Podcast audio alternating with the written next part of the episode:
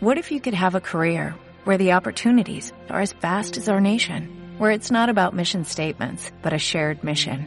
At U.S. Customs and Border Protection, we go beyond to protect more than borders, from ship to shore, air to ground, cities to local communities. CBP agents and officers are keeping people safe. Join U.S. Customs and Border Protection and go beyond for something far greater than yourself. Learn more at cbp.gov/careers. Noticiesdelta.cat, el butlletí informatiu de Ràdio Delta, amb tota l'actualitat de Deltebre.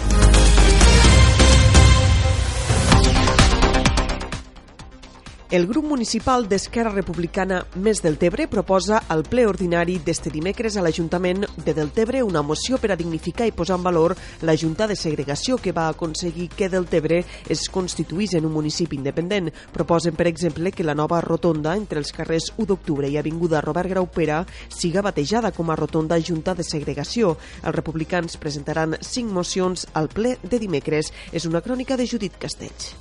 El grup municipal Més d'Altebre vol commemorar la Junta de Segregació en una ubicació simbòlica. A més, instaran a instal·lar també un monòlit amb els noms en algun espai significatiu com la plaça 20 de maig.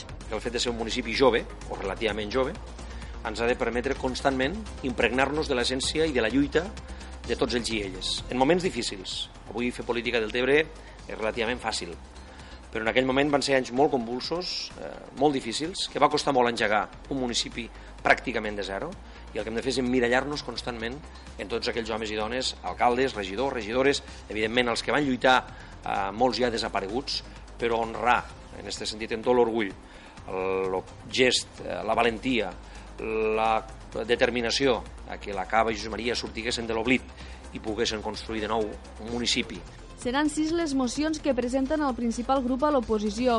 En l'àmbit local, des del grup municipal també presentaran una moció que proposa que els edificis municipals funcionen amb energies renovables. Després de criticar la falta de pluralitat en les publicacions a les xarxes socials i mitjans de comunicació municipals, asseguren que l'actual equip de govern ha aprovat un nou reglament. El considerem ben treballat i just i en aquest sentit anirà una altra de les mocions. L'última moció d'àmbit municipal que exposaran serà que se cedeixi el vial 1 d'octubre a la Generalitat de Catalunya per arranjar el carrer. La vorera està malmesa degut a la crescuda de les arrels dels arbres. De fet, creuen que s'haurien de substituir per uns altres que morfològicament puguin adaptar-se al carrer. Mentrestant, demanen que se senyali el vial com a zona perillosa. Des del partit també reivindicaran disminuir del 21 al 10% d'IVA la taxa rosa dels productes d'higiene femenina de primera necessitat, una demanda que s'ha remarcat fan des de la seva visió com a partit feminista. El nostre partit és un partit feminista, és un partit que aposta claríssimament pel compromís i pel paper actiu eh, de la dona a la nostra societat i per tant pensem que mentre hi hagi eh, productes de primera necessitat que eh, tinguen un IVA aplicat que no correspon a la realitat quan en comparació a altres productes o altres eh, elements de primera necessitat hi ha una diferenciació d'un IVA a un altre, pensem que hi ha una claríssima discriminació cap a les dones i que per tant pensem que pot ser que pot ser eh, corregida. L'última moció que s'exposarà serà la de suport al model d'immersió lingüística amb el català com a llengua vehicular. Els usuaris de l'Hospital de Tortosa Verge de la Cinta ja poden utilitzar el mòbil per fer les admissions en cas d'una visita programada i evitar així el pas pel taulell o per les pantalles d'admissió. L'X Terres de l'Ebre ha desenvolupat una nova aplicació mòbil que permet via Bluetooth cercar les visites programades i fa l'admissió per al CIP registrat a l'aplicació. Un cop feta l'admissió, es mostren les dades de la cita i es genera també, si cal, el número de localitzador que identifica la visita a les pantalles de consultes externes. Gràcies Gràcies a esta nova eina, als usuaris ja no els caldrà passar per les pantalles o els taulells d'admissió per validar la visita i obtindre els tíquets amb el número corresponent. L'aplicació està disponible a l'app de TCOX i de moment només s'ha implementat a l'Hospital de Tortosa.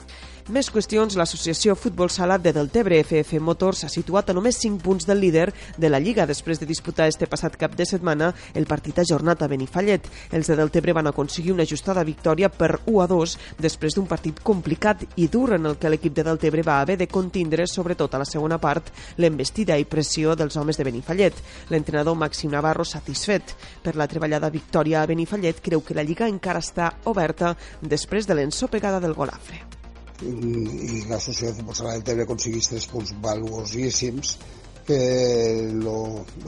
l'encarament en solitari al segon lloc de la classificació i que eh, juntament en la, en la primera eh, entrompessada del, del Golafre, que es batixar dos punts a Campredó, eh, fa que, que l'Associació de Futbol del Tebre FF Motors se situa a 5 punts del, de l'equip tortosí i nosaltres mateixos eh, ens preguntem i a Lliga?